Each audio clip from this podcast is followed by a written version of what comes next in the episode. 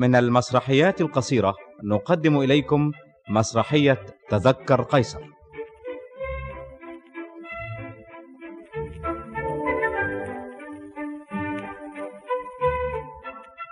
تذكر قيصر مسرحية قصيرة كتبتها ميس جودون ديفيد ترجمها بهاء فهمي.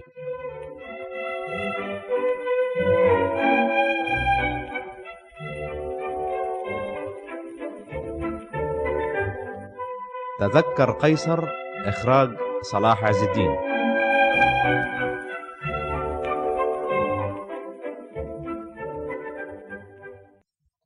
إنها ليست مسألة واجب فحسب بل هناك اعتبار لنجاحك في الحياة. فأنت لم تعقد العزم على أن تظل سكرتيرا مدى العمر أليس كذلك؟ لا. وما دام الأمر كذلك؟ فلتعنى بالمثابرة ومراعاة التفاصيل. إنني لم أصبح اللورد ويستون باللعب بأصابعي والأمل في أن أحظى بأفضال الآخرين بل وصلت إلى منصبي بالعمل الشاق والخدمة الأمينة. ورفاق صباي يتعيشون الآن من نقل الوثائق بينما أنا ولا داعي لأن نتجاهل الحقيقة أشهر وأعدل قاض في إنجلترا. كما أني خادم مرموق لصاحب الجلالة شارل الثاني. وأنا أعترف أن هذا يا عزيزي روجر مثال تجب دراسته. فطلبك لأجازة نصف يوم لا يليق بك. كما أن صدوره عنك أمر يغاير ما يتوسمه المرء فيك. وإنني أخشى آه أيعقل يا مستر شيتواين أنك لم تكن مصغيا لكلامي. ماذا سيد اللورد؟ لا نعم نعم بالطبع يا سيدي كنت مصغيا عما كنت أتكلم. عن نفسك يا سيدي. أعني عن عن وصولك إلى قمة النجاح يا سيد اللورد. إننا كنا نتحدث عن مطلبك الشاذ لأجازة نصف يوم في حين أنك قد أخذت مثل هذه الأجازة في الشهر الماضي. وكان ذلك إذا لم تخطئني الذاكرة. عندما حضر والداك إلى المدينة وكان عليك أن ترافقهما. فهل أخرج كثيرا عن قواعد اللياقة؟ إذا عن لي أن أسألك عما يحفزك إلى المطالبة بهذه العطلة العابثة؟ لقد خلت أنك إذا لم تكن في حاجة إلي بعد ظهر اليوم يا سيد اللورد فربما أمكنني أن أقابل بنفسي كاتب لجنة الأحكام لأتبين لماذا لم يرسل تلك الوثيقة. آها حقا. إن الافتقار إليها يا سيد اللورد يعطل عملي كما ترى. وفي هذه اللحظة الشائقة هذه بالطبع مسألة مختلفة. إنني لا أرى ما يحول دون أن تروح عن نفسك بالذهاب إلى مستر كلي بعد الظهر إذا كان الطقس مناسبا. لقد اطمأننت إلى أن أفكارك متجهة إلى أمور جدية مما يناسبك كشاب له مستقبل. إن المثابرة والشجاعة ومراعاة التفاصيل هذه هي السلاسة. أين المسواك؟ هذه هي الصفات التي توصل المرء إلى النجاح وتؤدي به إلى المكانة الرفيعة. لا توجد شموع ولا مسواك كالمعتاد ولا يستطيع المرء بدون عقل منظم أن يأمل في أن يتفوق في أي مهنة راقية. التفاصيل يا عزيزي روجر مراعاة التفاصيل. هذه هي بداية العظمة. هذه هي آه. ما هذه القصاصة؟ قصاصة في جيبي؟ تذكر قيصر. تذكر قيصر. روجر! روجر! في أي يوم نحن؟ في أي يوم من أيام الشهر نحن؟ إنه اليوم الخامس عشر يا سيد اللورد الخامس عشر. الخامس عشر من مارس منتصف مارس. تذكر قيصر. إذا فهم يهددونني بالقتل يريدون قتلي. أليس كذلك؟ هم يريدون قتلي. هذه هي عاقبة أن تحكم بين الناس أن تكون أداة العدل. فإن عاجلا أو آجلا ينتظرك الانتقام في أول ركن مظلم. وكلما ازدادت عدالة القاضي وكلما ازدادت شجاعته استهدف لحقد أشد. ماذا حدث يا سيد اللورد؟ ماذا حدث؟ إن موتي مؤكد إذا لم آخذ حرصي. ما هي القضايا التي نظرتها مؤخرا؟ قضية الخيانة لقد رفضت قبول الرشوة. والقرصنة. إن صدر الطرفين موغر مني لحكمي فيها. وهناك قاطع الطريق هذا. هل هذه الورقة تتضمن تهديدا من أين أتت يا سيد اللورد؟ لقد كانت في جيبي.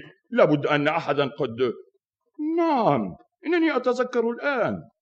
لقد احتك بي بالأمس رجل بينما كنت أغادر المحكمة. رجل قصير القامة يبدو المكر والشر على محياه. ماذا كتب في الورقة يا سيد اللورد؟ لقد كان ذلك عند الباب ولم يتوقف ليقدم اعتذاره. إنني أتذكر حسنا يمكنني أن أشكر لهم هذا الإنذار. قد أموت قبل أواني ولكن ذلك لن يكون اليوم إذا وجدت إلى تفادي ذلك سبيلا. اذهب يا روجر حالا إلى الطابق الأرضي وأغلق الأبواب بالمزلاج أحكم إقفالها بشتى الطرق. واطلب إلى زوجتي أن توافيني على الفور. على الفور! انتظر!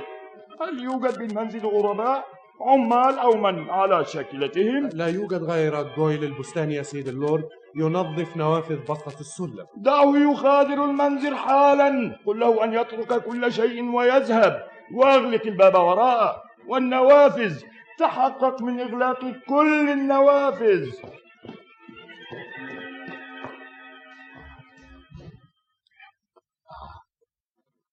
هذا الصوان لابد أنه مختلئ فيه. اخرج. اخرج أقول لك اخرج. الق سلاحك واخرج والا سأطلق عليك النار الآن. اخرج. لا أحد لا أحد لا أحد.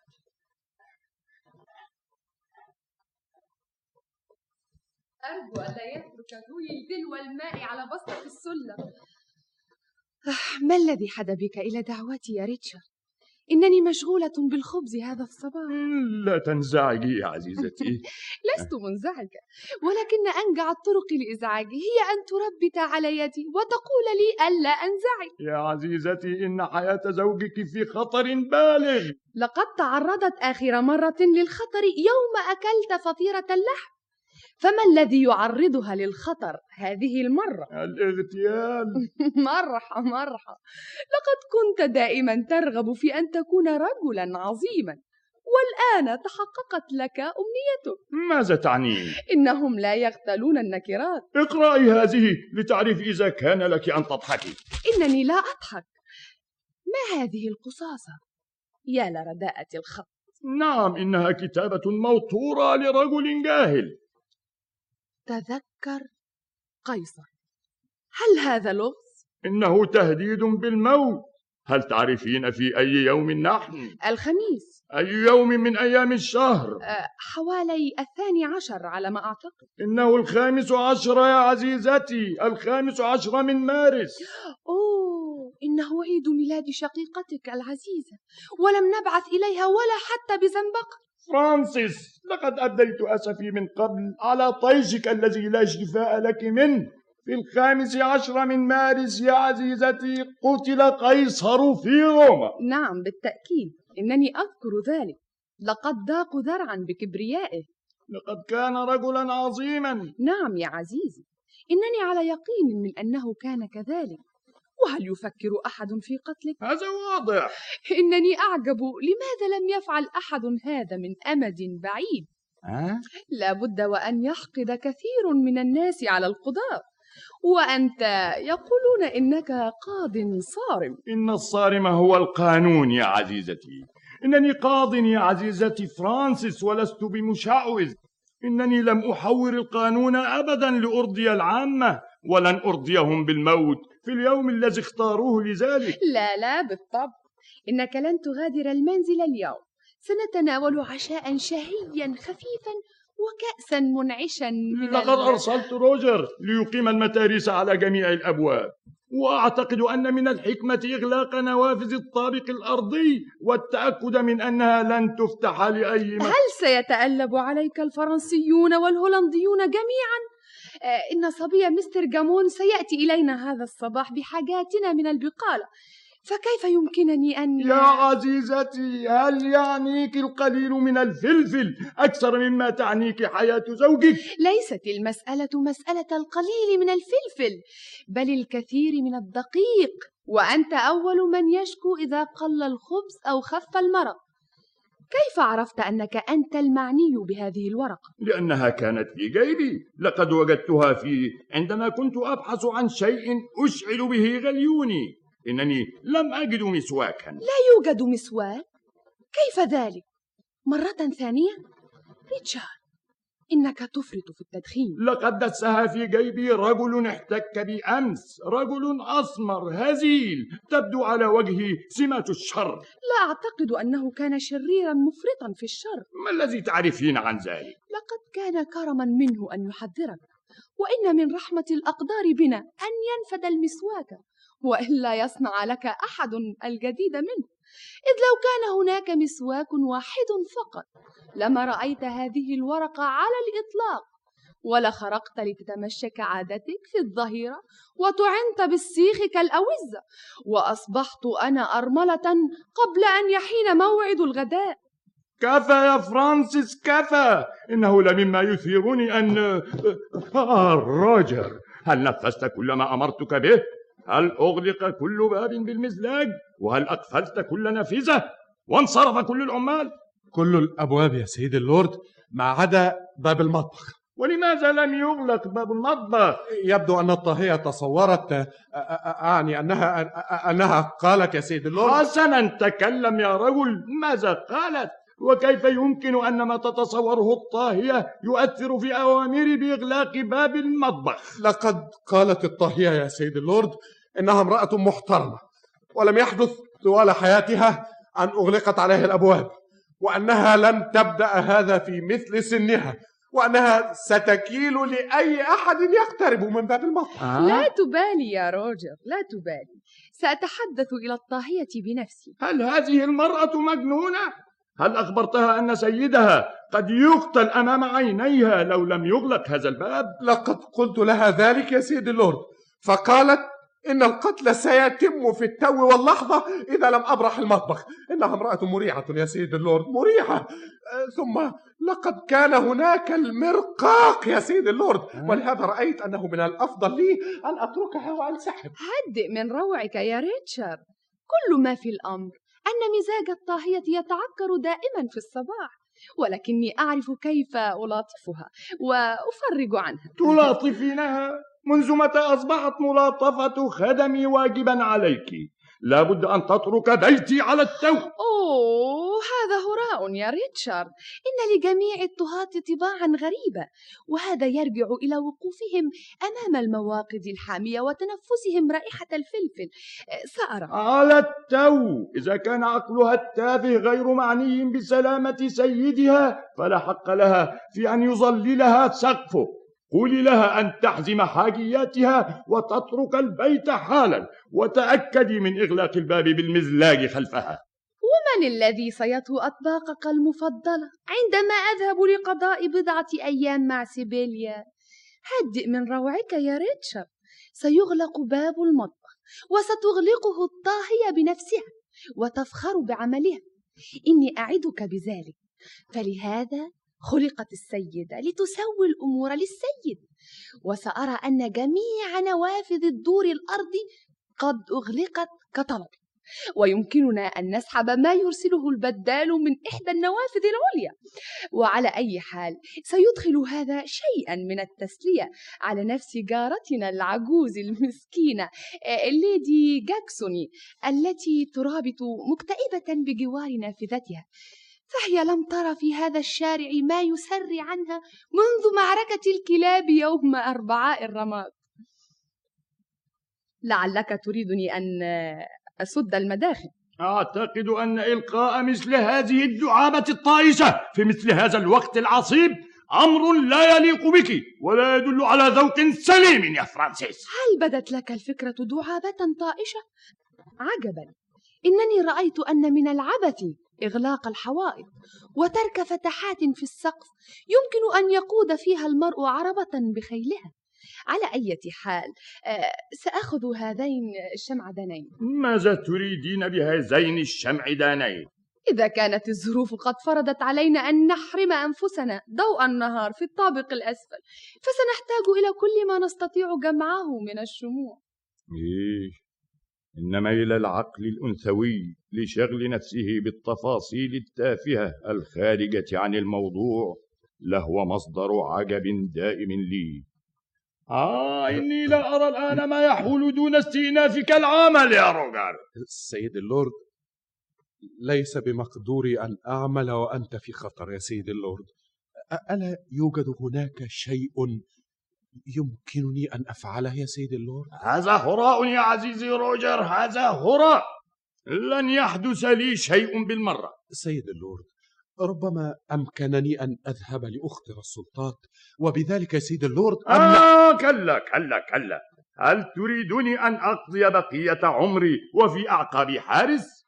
إن منظري لن يسر أحدا في هذه الحالة. هيا واصل عملك. و آه، آه، ما هذا؟ إنها ربطة جاءت باسمك هذا الصباح يا سيد وماذا بها لا أعرف يا سيد اللورد كل ما أعرفه أن رجلا قد أحضرها وقال إن من الضروري أن أن أن تتسلمها اليوم. ولم تسأله عما بها؟ أيها الغبي! لم يبدو لي يا سيد اللورد أن هذا من شأني وأنا لا أسأل أبدا عن محتويات ما يخص سيد اللورد وقد عرضت الربطة على سيادتك عندما جاءت فأمرت بوضعها هناك. ما شكل الرجل الذي أحضرها؟ أكان قصيرا أسمر أعتقد أنه كان كان كان يميل إلى القصر يا سيد اللورد؟ أما بالنسبة لكونه أسمر فقد كانت قبعته تغطي وجهه. و- و- وأعتقد يا سيد اللورد أن على ذقنه شامة. ولكني لا أريد أن ربما كان ذلك يا سيد اللورد مجرد أن شامة؟ شامة؟ نعم نعم. لقد كان لذلك الرجل شامة. الرجل الذي احتك بي على الجانب الأيمن من فكه. إنني أراه كما لو كان واقفا هنا. يجب أن تتخلص من هذه الربطة في الحال.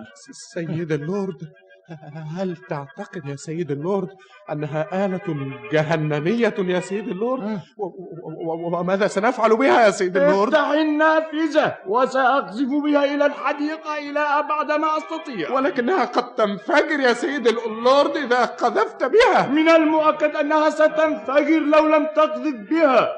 منذ متى وهي هنا؟ لقد جاءت حوالي الساعة التاسعة يا سيد اللورد. ها؟ إذا فقد مضى عليها ما يقرب من ثلاث ساعات. افتح النافذة يا رجل. لا يا سيد اللورد افتح أنت النافذة ودعني أتصرف أنا فيها. سيد اللورد إن حياتي لا تعني شيئا بينما لحياتك قيمة بالغة لإنجلترا يا سيد اللورد. لا يا رجل لا. أنت في مقتبل العمر أما أنا فقد أخذت كفايتي من الحياة. وأنت لا زلت أمامك أعمال جليلة تقوم بها. يجب أن تعيش وتكتب سيرة حياتي للأجيال المقبلة. افهم افهم ما أقوله لك وأنا أعدك بأن آخذ كل حذري. لا لا انتظر انتظر. عندي فكرة أفضل. دلو البستاني إنه ما زال على بسطة السلم. نعم نعم يا سيد اللورد بالطبع يا سيد اللورد. آه، روجر روجر ابقى هنا. إننا لا نعرف أي شيء شيطاني سوف يحدث. آه لا يوجد بالدلو ماء كافي فهذا الماء لا يكفي لتغطية الربطة. سآتي ببعض الماء يا سيد اللورد لن أتغيب كثيرا يا لا سيد. لا لا تذهب لا تذهب.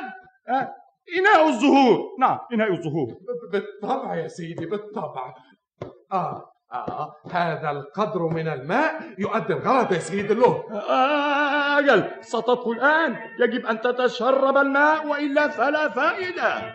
يجب أن نضع عليها شيئا ثقيلا لتغطس في الماء يا سيد اللورد نعم نعم. آتني بشيء. أي شيء يا سيد اللورد يا إلهي الرحيم. يا بني ألا تخطر برأسك أفكار إذا ما تركت يدك القلم؟ أي شيء أي شيء. أي شيء ثقيل يمكن إدخاله في الدلو. كتب أي شيء. كتب يا سيدي كتب ولكنها ولكنها ستبتل يا سيد اللورد أليس كذلك؟ بحق السماء آتني بالكتب الستة الأولى من فوق الرف أحسب أن لا مفر من ذلك يا سيد اللورد. ها. يا فخامة التكليف أجل أجل هيا هيا أغرقها. أجل هكذا. نعم. غرقت جيدا وبحق ريتشارد. ريتشارد. ريتشارد. ما هذا الذي وضعته في الدل ربطة جاءت هذا الصباح وقد أحضرها نفس الرجل الذي اصطدم بي أمس ودس لي هذه الورقة في جيبي. لقد ظن الأغبياء أنني قد أفتحها ولكننا استطعنا ببراعتنا أن نحبط عليهم تدبيرهم. يا للغباء. إنك تفسد الآن هذا الشيء الجميل القشيب. فرانسيس ما أهمية سجادتك الجميلة الخشيبة إذا كانت حياة زوجك في خطر إنك تصدمينني. سجادة. لا بالطبع يا عزيزي لن يخطر ببالي قط أن أقابل بين سلامتك وبين أفخر ما تنتجه آسيا. تعال تعال واجلس إلى جانبي وتناول كأسا من النبيذ. أنت تعرف أن الطبيب لا يوافق على أن تعرض نفسك لما يثيرها آه لعل الطبيب لم يتسلم في منزله في صباح أحد أيام الربيع آلة جهنمية كهذه. أخشى يا سيدتي الليدي أن نكون قد تسببنا في بعض الفوضى. أرجوك أن تسمحي لي أن أنوب عنك في إعادة الأشياء إلى نظامها السابق. إني أرى أن المستر سبنسر قد أصبح في الماء. أليس هذا من تأليفه؟ نعم نعم يا سيدتي الليدي إنه له أنت ترين أن هذا الشيء يا سيدتي. الليدي أعني هذه الربطة كانت تطفو على سطح الماء وكان الوقت أثمن شيء. فتحتم علينا أن نتناول أقرب شيء إلينا لنضعه فوقه لقد فهمت. هلا تفضلت بأخذ هذه إلى الطابق الأرضي. آه، وهذا الإناء ستملأه لك إحدى الخادمات. هل قررت خادمات المطبخ السماح أخيرا بإغلاق باب منطقة نفوذهن بالمزلاج؟ أوه إنهن جميعا في منتهى السعادة. وتعتقد الطاهية أنها تعرف كيفية عمل الرصاصات بصب الرصاص الساخن في ماء بارد أو شيء من هذا القبيل. وقد استقر رأي خادمة المطبخ النهائي على البقاء في لندن. البقاء في لندن؟ تذوق الكعك. إنه من عمل سيبيليا. نعم. فقد كانت تفكر في الرحيل لأنها كانت تجد لندن هادئة أكثر من اللازم بالمقارنة طبعا إلى الريف. نعم عجبا. لقد كانت تقول إن الريف حافل بالأمور دائما فإذا لم تكن هناك ولادة بقر. فهناك زواج. وإذا لم يكن هناك زواج فهناك سهر على جثة ميت. إنها فتاة لطيفة. يسرني أن لندن قد بدأت تبدو أبهج في نظرها. يبدو أن أهل منزلي ينظرون إلى الخطر الذي يتهددني نظرتهم إلى صندوق الدنيا. لا يا عزيزي لا. إن جميع الفتيات يفضلن الهرم فذلك يجعل للحياة في نظرهن أهمية الهرج. أرجو أن تكون جنازتي شيئا أكثر إثارة لهن. يجب أن نعد سهرة على جثة ميت لنرضي خادمة المطبخ. آه، ألا ترى أن من الأفضل آه، رفع صورة عمتي الكبيرة سيسيلي من فوق هذا الحائط؟ لماذا بحق السماء؟ إنها في الطريق المباشر لأي طلقات نارية تأتي من هذه النافذة. ولكن هل لي أن أسأل لماذا تأتي طلقات نارية من هذه النافذة؟ إنني أفكر فحسب في ممتلكاتك يا عزيزي ريتشارد ها؟ فأي شخص يجلس فوق شجرة السنديان يصبح في مركز فرانسيس ما الذي جعلك تفكرين في شجرة السنديان؟ هذا هو المكان الذي كنت أختاره لإطلاق النار عليه؟ أقصد أن إذا كان في نيتي ضربك بالنار إن أوراقها كثيفة بحيث تخفي أي شخص يجلس عليها دون أن تحجب عن نظره شيئا ابتعدي عن هذه النافذة ماذا؟ ابتعدي عن هذه النافذة إن أحدا لا يفكر في إطلاق النار عليه. روجر روجر نعم يا سيد اللورد هل انصرف البستاني؟ لا يا سيد اللورد إنه يتناول غداءه تحت نافذة المطر قل له أن يجلس تحت شجرة السنديان حتى آذن له بالانصراف. شجرة السنديان؟ نعم. حسنا يا سيد اللورد حسنا. عما تبحث يا ريتشارد؟ أوه يا عزيزي ريتشارد كن على حذر. هذا سلاح خطر جدا. أعرف ذلك. إنه صدئ إلى حد يجعله قابلا لأن يحدث أي شيء.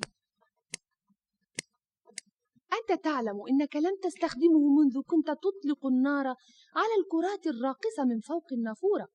وكان ذلك في السنة التي أعقبت زواجنا ولقد أطاح ابن القصاب بنصف فروة رأسه في الأسبوع الماضي. عندما كان يحاول إطلاق النار من غدارة صدئة ولم يبق على رأسه من الشعر سوى خصلات قليلة فوق أذنه اليمنى. ويقول والده إن أمله الوحيد هو أن يصبح سيدا ليتمكن من لبس الشعر المستعار. لا عيب في غدارتي سوى القليل من التراب. افعل ما يحلو لك ولكني أعتقد أنها طريقة سخيفة لتفسد على القاتل تدبيره. ما هي؟ أن تطلق النار على نفسك. آه روجر هل ذهب جويل ليجلس تحت الشجرة؟ نعم يا سيدي. قد أبلغته رسالتك على الأقل. ابتعد عن هذه النافذة. قد يكون هناك شخص في شجرة السنديان. يا سيد اللورد هل هل تظن أنهم سيحاولون إطلاق النار عليك بالإضافة إلى إلى من يدري؟ إذا كنت خبرت العقول الإجرامية بالقدر الذي خبرته أنا هل فتحت الباب لتحدث البستاني؟ أوه لا لا لا لا لا لا لا يا سيد اللورد لا. لقد حدثته من خلف النافذة. س- سيد اللورد إن الطهية ترى أن نستدعي الشرطة. إن الطهية دائما ترى أن تستدعي الشرطة. والآن لنرى ما إذا كان هناك أي شخص متربص في الشجرة.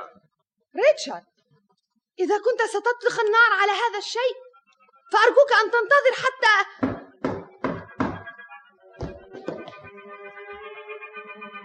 هناك شخص عند الباب الأمامي يا سيدي. لا تفتح هذه النافذة. ولكني بدون هذا لن أتمكن من رؤية الطارق يا سيد اللورد إذا وضعت رأسك خارج هذه النافذة فقد يطلقون عليها النار دون أن يوجهوا إليك الأسئلة.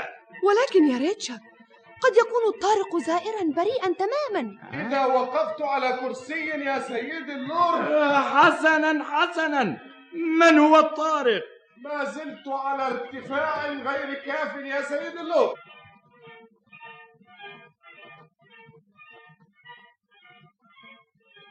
مم، ضع عليه مسند الأقدام كذلك يا روجر آه نعم نعم مسند الأقدام. سيؤدي مسند الأقدام الغرض إنه هناك نعم إنه هناك.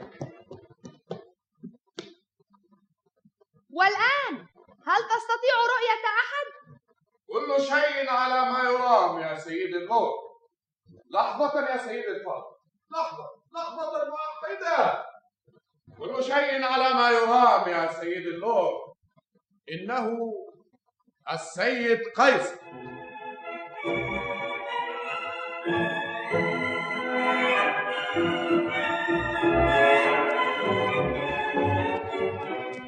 السيد قيصر هل أدعوه يدخل يا سيد اللورد؟ من قلت؟ السيد قيصر هل تذكر الرجل الذي قابلته يوم الثلاثاء في هامبتون يا سيد اللورد وكان مفروضا أن يأتي لمقابلتك هذا الصباح بخصوص أشجار الورد وقد أخذت مذكرة بذلك يا سيد اللورد أخذت مذكرة؟ ها؟ أين الورقة؟ ها؟ تذكر قيصر. هل هذا خطي؟ نعم. لابد أن يكون ذلك خطي يا إلهي. ما كنت لأقول إنها كتابة موتورة لرجل جاهل. يحسن أن تنزل لإدخال السيد قيصر يا روجر.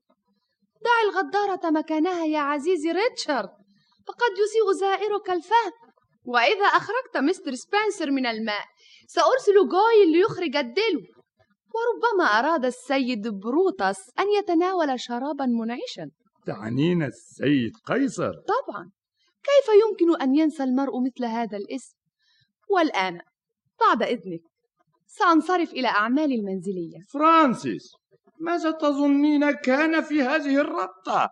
لقد كانت هذه سترتك المخملية الجديدة يا عزيزي. وأنت تعلم أنني حاولت إخبارك بذلك.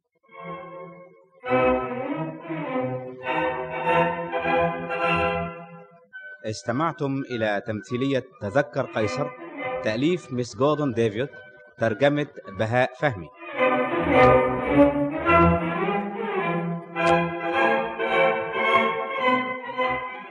قام بأداء الأدوار حسب سماع الأصوات لطفي الحكيم عايدة هلال محمد علوان.